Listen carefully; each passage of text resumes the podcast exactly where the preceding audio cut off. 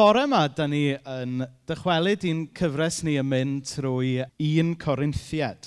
E, llythyr gath i sgwennu i eglwys yng Nghorinth um, tua 2000 o flynyddoedd yn ôl erbyn hyn. Um, eglwys oedd yn newydd, eglwys oedd yn llawn bwrlwm, a lle mae yna fwrlwm, mae yna hefyd dysgu angen digwydd. Ac mae'r llythyr yma'n llawn um, pethau pwysig ynglyn â Iesu Grist, ynglyn â'i at gyfodiadau ac hefyd ynglyn â sut mae'r eglwys yn, yn trefnu hun ac yn trefnu addoliad a, ac yn helpu Cresnogion i wybod sut mae byw fel dinasyddion y nef ond yn y deyrnas yma o hyd, achos da ni dal yn byw uh, ar y ddeiar yn dydyn. A da ni wedi dod at ran o'r llythyr erbyn hyn, lle mae Paul yn trafod pethau ynglyn â sut mae'r eglwys yn trefnu ei hun ac yn trefnu addoliad ac yn y blaen. A da ni wedi dod at ran eitha tricky o'r llythyr. A dyna pam fel teitl i'r neges bore yma, dwi wedi dewis ydy'r Beibl yn sexist. A'r darn o'r gair sydd gyda ni bore yma ydy y rhan ar ddechrau 1 Corinthiaid 1 ar 10. Mae'n rhaid i mi eich camol chi am ddal i gofio amdana i, ac am ddal gafael yn y traddodiadau wnes i eu pasio ymlaen i chi. Ond rhaid i chi ddeall bod bywyd pob dyn yn tarddu o'r meseia, a bod bywyd gwraig yn tarddu o'r dyn, ac mae o ddew mae bywyd y meseia yn tarddu. Mae pob dyn sy'n gweddio neu'n proffwydo gyda rhywbeth ar ei ben yn cochi ei hunan barch, Ac mae pob gwraig sy'n gweddio neu'n proffwydo heb orchuddio ei ffen yn dangos diffyg hunan-barch. Mae'n union fel petai hi wedi eillio ei ffen. Os ydy gwraig ddim am orchuddio ei ffen, dylai gael gwared a'i gwallt. Ac os ydy e'n byth cywilyddus i'w wraig gael gwared a'i gwallt neu gael ei heillio, dylai felly orchuddio ei ffen. Dylai dyn ddim gorchuddio'i ben am ei fod yn ddelw dew ac yn dangos ei ysblander. Ond dangos ysblander dyn mae'r wraig. Nid dyn ddaeth o wraig, ond y wraig ddaeth o ddyn. A chafodd dyn ddim ei greu o achos y wraig, ond y wraig o achos y dyn. Dyna pam ddylai gwraig gadw rheolaeth ar y ffordd mae pobl yn edrych arni, ac o achos yr angylion hefyd. Beth bynnag, yn yr arglwydd, dydy gwraig a dyn ddim yn annibynnol ar ei gilydd. Mae'n wir fod y wraig wedi dod o'r dyn, ond mae'n wir hefyd fod pob dyn yn cael ei eni o wraig. Ac o ddiw mae'r cwbl yn tarddu yn y pen draw. Beth ydych barn chi? Ydy hi'n weddus i wraig weddio'r ddiw heb orchydd ar ei ffen? Ydy natur ei hun ddim yn dysgu hyn i chi? Os ydy gwall hir yn diraddio dyn, yw bod yn beth anrhydeddus i wraig gael gwallt hir. Mae ei gwallt hir wedi roi iddi hi fel gorchydd. Os ydy rhywun am ddadlau â hyn, does gynnon ni ddim arfer gwahanol, a does gan eglwysi Dyw ddim chwaith. Nawr yn aml, fyddwch chi yn clywed pobl yn dweud bod nhw yn hoff iawn o eiriau Iesu, ond yn stryglo tan bach gyda geiriau Paul. Ac wrth edrych ar ran gymal fel hyn o'r Beibl, mae rhywun yn gallu gwerthfawrogi pan bod pobl yn dweud hynny. Ar y llaw arall, newch chi ffeindio Cresnogion sydd yn fan mawr o'r Apostol Paul, ond yn gytid bod wedi sgwennu pethau fel hyn. Oh, he's let the side down math o beth yn dewis geiriau fel hyn. A mae'r cymal yma yn gymal anodd yn dydy. Um, a'r rheswm pam yn y bôn yw achos bod ni yn edrych arno fe trwy lens yn diwylliant ni heddiw. Felly, be ni'n mynd i wneud gobeithio bore yma ydy trio teithio nôl mewn peiriant amser a gweld beth oedd Paul yn dweud yn ei gyd-destun e. A gobeithio hefyd bod ni'n mynd i weld bore yma bod y Beibl ddim yn sexist. A mewn gwirionedd, mae'r efengel grisnogol yn newyddion sy'n anrhydeddu merched mewn ffordd hollol anhygoel a hollol hyfryd.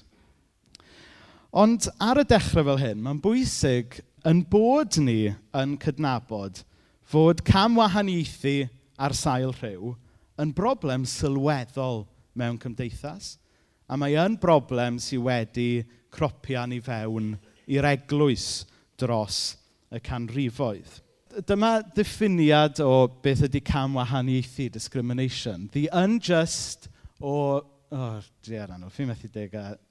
Reit, pwy sy'n... Pwy sy'n... Oh, Martin. Reit. The unjust or prejudicial treatment of different categories of people, especially on the grounds of race, age or sex. Ar iawn, yr Oxford graduate yn, uh, yn darllen yr Oxford Dictionary ni. Lle arall mae hwnna'n digwydd yn Gynarfon bore yma? Ond dyma yw camwahaniaethu, dyma yw discrimination. A dwi'n meddwl bod camwahaniaethu, discrimination, yn un o'r pechodau gwreiddiol fel petai.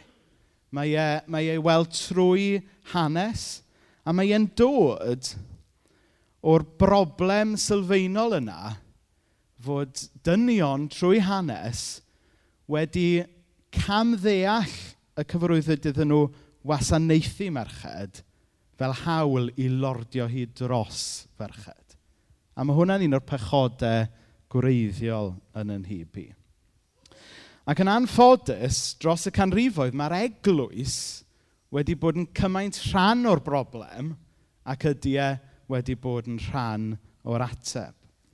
Nawr, rhai ystadegau i chi feddwl amdano nhw.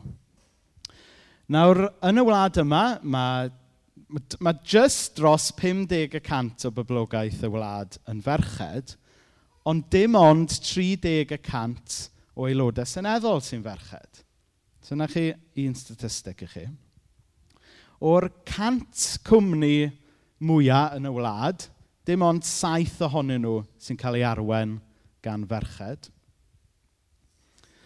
Ar gyfer taledd, ma' merched yn cael ei talu deg y cant yn llai am gyflawni yr un gwaith. Dyna un ystadegyn i chi. Mae dau drydydd, two-thirds o boblogaeth y byd sy'n anllythrenog yn ferched. Mynd at bethau difrifol iawn nawr. Mi oedd trais reip o fewn priodas yn gyfreithlon yn y wlad yma tan mor ddiweddar a 91. Hwna hwnna'n anhygoel yn dydy. Mewn 127 o wledydd trwy'r byd, mae e dal yn gyfreithlon. Mae 2.6 biliwn o ferched yn byw mewn gwledydd ar hyn o bryd lle maen nhw'n gallu cael eu treisio o fewn priodas. Mae'r ystadegau yma yn, yn yn sobri ni, dydy, ac yn dangos i ni gymaint o broblem yw cam wahaniaethu ar sail rhyw. Wedyn, um, just wythnos yma, fe gath um, dau o ferched mwyaf dylanwadol uh, yn ystod Pryden gyfarfod i gilydd, Nicola Sturgeon a Theresa May, a beth oedd y beth gorau gan y Daily Mail i ddweud cymharu i coesau nhw. Ydych chi gyd yn chwerthin, ond mae rhywbeth sytl iawn a difrifol iawn yn digwydd yma, yn does? Bod, bod merched ddim yn cael eu cymryd o ddifri jyst achos bod nhw yn ferched. Wedyn, i ni meddwl am yr holl saga o gwmpas Donald Trump. Dyn, wrth gwrs, sydd, sydd wedi brolio am bod yn fwy na parod i gamdrin merched. Tas fe wedi brolio am gamdrin dynion, mae'n siŵr byddai'n cael ei ddiastyru Yn sicr, tas y fe'n brolio am gamdrin plant, bydde fe'n sicr yn cael ei ddiystyru. Camdrin merched, wink wink, nudge nudge, all of a sudden mae'n arlywydd America. A mae'r ma stori yna'n jyst yn darlunio i ni gymaint o broblem yw hwn yn yn byd ni o hyd. Cam wahaniaethu ar sail rhyw ac yn arbennig yn erbyn merched. A chi'n gwybod, mae'n bwysig bod ni fel eglwys yn sylweddoli bod ni wedi bod yn rhan o'r broblem yn hanesyddol. Mae'n bwysig bod ni yn cyfesu hynny, mae'n bwysig bod ni yn dweud sori am hynny. Mae yna lot o bobl wedi defnyddio y Beibl i gam wahaniaethu yn erbyn merched. Mae yna lot o bobl wedi defnyddio Beibl i ormesu merched. A mae'n bwysig bod ni yn cydnabod bod hwnna wedi digwydd ac mewn rhai cylchoedd bod e dal i ddigwydd. Ond gobeithio bod ni'n mynd i weld gyda'n gilydd bore yma o ddeall y Beibl yn iawn, o ddeall hyd yn oed be mae'r apostol Paul yn dweud yn iawn, mae'r Beibl yn grymuso ac yn newyddion da i bawb yn arbennig pobl sy'n cael eu camdrin, yn arbennig pobl sydd wedi cael eu gorthrymu. Nawr, mewn man arall, mae'r apostol Paul yn dweud wrth y Galatiad fel hyn – Sdim ots os ydych chi'n iddew neu'n perthyn i genedl arall, yn geithwas neu'n ddynesydd rhydd, yn ddyn neu'n wraig, dych chi gyd fel un teulu sy'n perthyn i'r Meseia. Felly yn yr adnod yma, mae'r Apostol Paul yn neud yn hollol glir yn dydy, fod dyn a dynes yn gydradd yng ngolwg Dyw. Bod dyn a dynes wedi i greu ar lun a delw Dyw – A mae'r newyddion da ynglyn â myddeiant a gras a cariad Iesu Gris, yn newyddion da i bawb yn ddiwahan. Felly, gobeithio bod yr adnod yma, os dim byd arall, yn dangos i ni bod Paul ddim yn sexist. Ond eto, ni gyda strygl yn dydyn, wel, oce, okay, mae'r adnod yna'n dweud un peth, ond mae'r darn o Corinthiad sydd gyda ni heddi yn ymddangos fel bod e yn camwahaniaethu yn erbyn merched. Wel, be sy'n mynd mlaen? Wel, mae rhaid i ni deithio nôl mewn peiriant amser. Yn anffodus, does dim peiriant amser gyda ni, ond be sydd gyda ni fel eglwys, wrth gwrs, yw pobl llawer mwy galluog uh, na ni, sydd wedi astudio hanes y cyfnod ac yn gallu trio sbonio i ni beth sy'n mynd ymlaen. Ac un o'n um, hoff esbonwyr beiblaidd i ydy dyn o'r enw Tom Wright, sy'n arbenigwr ar waith yr apostol Paul. So, y busnes cyntaf, mae, mae sôn yn yr adnodau sydd gyda ni fan hyn, mewn rhai cyfeithiadau fod y gŵr yn ben ar y wraig. Ac sydyn reit, delwedd sydd gyda ni fyna bod dyn rhywsyd yn fwy pwysig na'r wraig. Rhyw syniad hierarchical, ynddo fe? Bod, bod dyn fyna a bod menyw fyna. Ond yn ôl uh, Tom Wright, um, y gair gwreiddiol sydd yna yw nid pen yn yr ystyr o fel hierarchical, ond pen yn yr ystyr o head of the river. Tarddu. A mae Bible.net, dyna mae yn defnyddio. So sydyn reit, chi'n gweld yn dydych sut mae geiriau, sut mae cyfieithiadau wedi cael eu defnyddio i ddweud rhywbeth falle oedd Paul ddim yn dweud yn wreiddiol. A mae'r Beibl yn sôn am berthynas dynion a merched gŵr a gwragedd fel perthynas Iesu a ni. A os meddyliwch am y peth, nath Iesu ddim dod i lordio hi drosto ni, na ddo. Dath Iesu i'n gwasanaethu ni. Dath Iesu ddim i ddangos pwy oedd y bos. Fe ddath ei farw dros y bobl oedd yn ei caru. A dyna dwi'n meddwl mae Paul yn dweud fan hyn. Yw, dwi e ddim yn rhoi rhyw, rhyw OK okay i batriarchiaeth a bod e'n iawn i ddynion lordio hi dros ferched. Nid dyma beth sydd yma. Beth sydd yma ydy her i ddynion wasanaethu a bod yn barod i fynd fel gwas, bod yn barod i aberthu er lles merched. Chi, chi'n gweld beth sy'n digwydd fan hyn? So dyna yw'r isiw cyntaf sy'n codi. Yr, yr ail isiw, busnes yma o'r penwisg. Mae rhai ohonoch chi, mae'n siŵr, yn cofio dyddiau pan oedd dod i'r capel ar fore di sil, oedd yn event le oedd yr hetiau mawr yma. Um, Dwi'n cofio mynd i'r capel yn Rhydaman, lle oedd Taki yn weinidog, a, a dwi'n cofio oedd yr hen ladies i gyd yn nhw ar hetiau enfawr yma, nhw fel o'n nhw fel kind of Space Invaders neu rhywbeth. Um, ac, ac o'r, or ddysgeidiaeth yma, um, mae'r traddodiad yna yn dod. So, be sy'n mynd mlaen fan hyn? Be, beth, be, be, be mae'n neud fan hyn yn dweud, o, oh, mae eisiau chi ferchan, mae eisiau chi gyfroch pen ac yn y blaen. Y norm diwylliannol ar y pryd, yn Corinth, 2000 o flynyddoedd yn ôl, oedd bod merched, just in general, yn gwisgo hetiau. Dyna oedd yn normal. Uh, yn yr un ffordd yma, rhan fwy o bobl heddiw yn gwisgo jeans, oedd rhan fwy o ferched ar y pryd yn gwisgo hetiau. Do, doedd dim mwy iddo fe na hynny. Dyna oedd y normal yn eu diwylliant nhw ar y pryd. Ac yn yr un ffordd, heddiw, yn, yn gyffredinol, mae bechgyn a merched yn gwisgo dillad gwahanol, er pan dwi'n cerdded mewn i rhai siopau dillad, dwi bach yn confused. Dwi'n ffeindio hunan yn edrych trwy dillad. O, oh, diar, dillad merched i'r rhain. Ti'n dweud mwy amdano fi, fi'n meddwl. Um, ond yn gyffredinol, yn yw, mae gyda chi ddillad merched a dillad dynion yn does. Mae yna ma wahaniaeth i gael. Um, a oedd un peth ar y pryd, oedd e jyst yn un o'r pethau, oedd merched yn gwisgo pethau ar ei pen, oedd dynion ddim.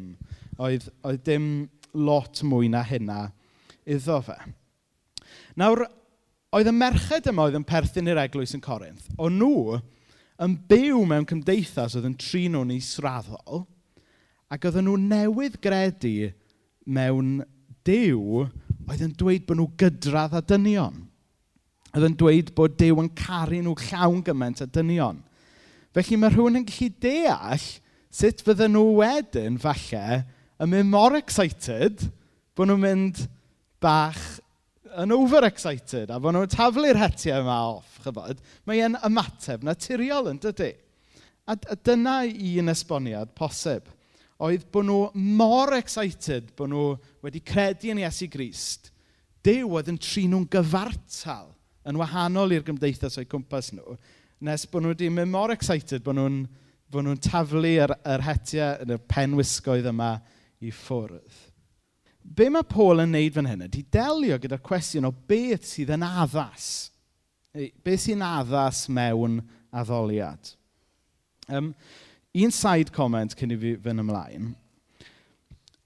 Yn y diwylliant ar y pryd, yr unig ferched oedd ddim yn gwisgo hetiau um, oedd peteiniad, mae'n debyg. Felly mi oedd yna isiw falle o, wel, un pwynt mae'n bosib oedd yna beteiniad wedi dod i gredu yn Iesu, ynddo fe? A mae hwnna'n ma hwnna bosibilrwydd, a mae hwnna'n bydd hyfryd, yn dydy, mewn gwirionedd. Pobl fydde neb arall eisiau cyffwrdd, ond oedd Iesu'n cynnig rhywbeth iddyn nhw. Mae ynglyn ag addoliad gweddus. Nawr, er mwyn esbonio hwn, na i, na i ddod â peth un dydd ni. Nawr, mae'n ddwrnod braf. Pwy ohonoch chi fydd yn ystyried mynd am dro i dinas dynllep nawr yma? Mae'n siŵr bod yna, bod yna rai yma, mae'n rhywbeth Rhywbeth braf i wneud ar ddiwrnod fel hyn. A chybod, pan mae'r hael allan, dys hint o'r hael allan, da ni ddynion prydeinig yn tynnu'n tops off. A dangos yn boliau mawr gwyn. Chybod, a, a rhywsut, dwi'n mynd deall pam, ond ar ddi, yn ninas dinllia, ar ddiwrnod braf, bydd e'n dderbyniol i ni ddangos yn boliau mawr gwyn i'r byd. Ond tas tyfod, heno nawr, tas Wel, sy'n bol mawr gyda Arwel, so dwi'n methu pigo arno fo. Pwy sy'n bol mawr? Na, dwi ddim, dwi'n mynd i offendio rhywun ar. Dys e un ohonoch chi sydd wedi bod yn dinas Dinllio Pnaman, walsio mewn i'r oedfa heno yn topless. Yna, all the sudden, bydde fe ddim yn addoliad gweddus, na. Dwi ddim o dragwyddol bwys be chi'n gwisgo i addoliad, ond mae yna rhai pethau yn addas mewn rhai cyd-destun a pethau arall ddim yn addas mewn cyd-destun. Felly, ma' dyna mae ma' Paul yn delio fan hyn. Dwi e ddim yn y busnes o roed merched lawr. Mae yn y busnes o jyst trafod beth sydd yn weddus i'r eglwys wneud mewn addoliad. A'r rheswm pam, a dyma'r pwynt pwysig bore yma, rheswm pam bod ni'n sylw, bod yn bwysig ni'n sylweddoli bod darnau fel hyn o'r Beibl ddim yn rhoi merched lawr a ddim yn sexist, yw oherwydd mae'r efengil grisnogol yw un o'r pethau sy'n grymuso merched fwyaf.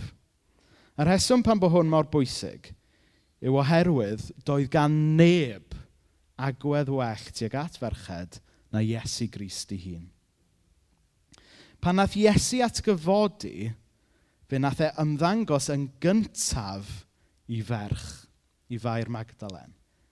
Nawr meddyliwch yn ei gyfnod e, a'i ddiwylliant ar y pryd pa mor chwildradol oedd hynna. Mewn, mewn diwylliant oedd lot fwy sexist na'n diwylliant ni heddiw. A mae Iesu'n dewis ymddangos yn gyntaf i ferch. Nid yn unig hynny, ond mae e'n comisiynu y ferch yma i fynd i dystio a rhannu am yr atgyfodiad wrth bobl eraill. Mae'n ymddiried hynna i ferch. Pa mor hyfryd ac anrhydeddus yw hynna. Gadewch ni glywed yr hanes o Ioan 20, 16-18. Yna, dyma Iesu'n dweud mair. Trodd ato ac meddai yn Hebraeg rabwni, sy'n golygu athro. Dyma Iesu'n dweud wrthi, paid al gafael o fi, dwi ddim yn mynd i fyny at y tad eto. Dos at fy mrodyr i a dweud wrthyn nhw. Dwi'n mynd at fy nhad am dew, eich tad a'ch dew chi hefyd. Yna aeth, Mair Magdalen at y disgyblion a dweud, dwi wedi gweld yr arglwydd. A dwedodd wrthyn nhw beth oedd e wedi ddweud wrthi. A mae hwn yn chwildradol. Mae, mae bod Iesu wedi dewis datgyddio ei hun ar ôl atgyfodi'n gyntaf i ferch a bod e wedi comisiynu y ferch yna os hoffech chi fel yr apostol cyntaf, fel yr, y genhades cyntaf wedyn mae'r mae hanes yn mynd ymlaen ar ôl y Pentecost wedyn, pregeth fawr Pedr ar ddiwrnod y Pentecost, lle mae'n dyfynnu'r proffwyd Joel ac yn dweud, bydd eich meibion a'ch merched yn proffwydo, bydd dynion ifanc yn cael gweledigaethau, a dynion hun yn cael breddwydion. Bryd hynny byddai'n tywach fy ysbryd ar fy ngweision i gyd, yn ddynion a merched, a bydden nhw'n proffwydo. Nawr fan hyn eto, mewn diwylliant cyd-destun, lle oedd merched ddim yn cael eu trin fawr gwell nag anifeiliaid, mae'r eglwys grisnogol yn cael ei cychwyn gyda lle amlwg i ddynion a merched yn y gwaith. Gyda lle amlwg i ddynion a merched broffwydo. Felly am orffen, dwi jyst mynd i um, orffen gyda'r her yma. I ni ddynion, Sut allwn ni fod yn debycach i Iesu ac yn llai tebyg i'r byd yn yn hagwedd ni tuag at ferched? I chi ferched, yn arbennig unrhyw ferched yma sydd wedi cael eu trin yn israddol oherwydd bod nhw'n ferched. Wel, yn bersonol, fel dyn mewn safle breintiedig, gai ymddeheiro am, am yn agwedd i weithiau sydd falle wedi'ch trin chi yn israddol. A ran yr eglwys, dwi'n sori fod yr eglwys wedi bod yn rhan o'r broblem ac nid yn rhan o'r ateb.